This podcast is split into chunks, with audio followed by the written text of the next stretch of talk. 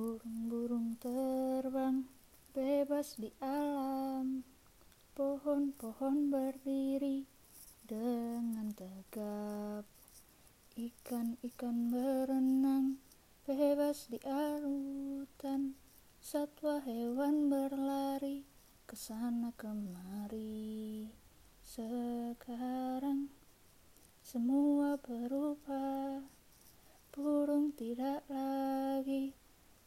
terbang bebas Pohon ditebangi Ikan berenang dengan takut Karena ada pencemaran.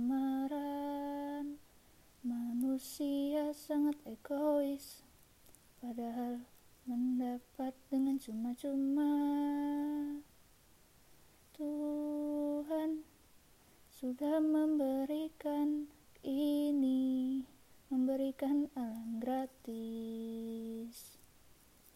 Tapi Manusia merusaknya manusia Tidak menjaga alam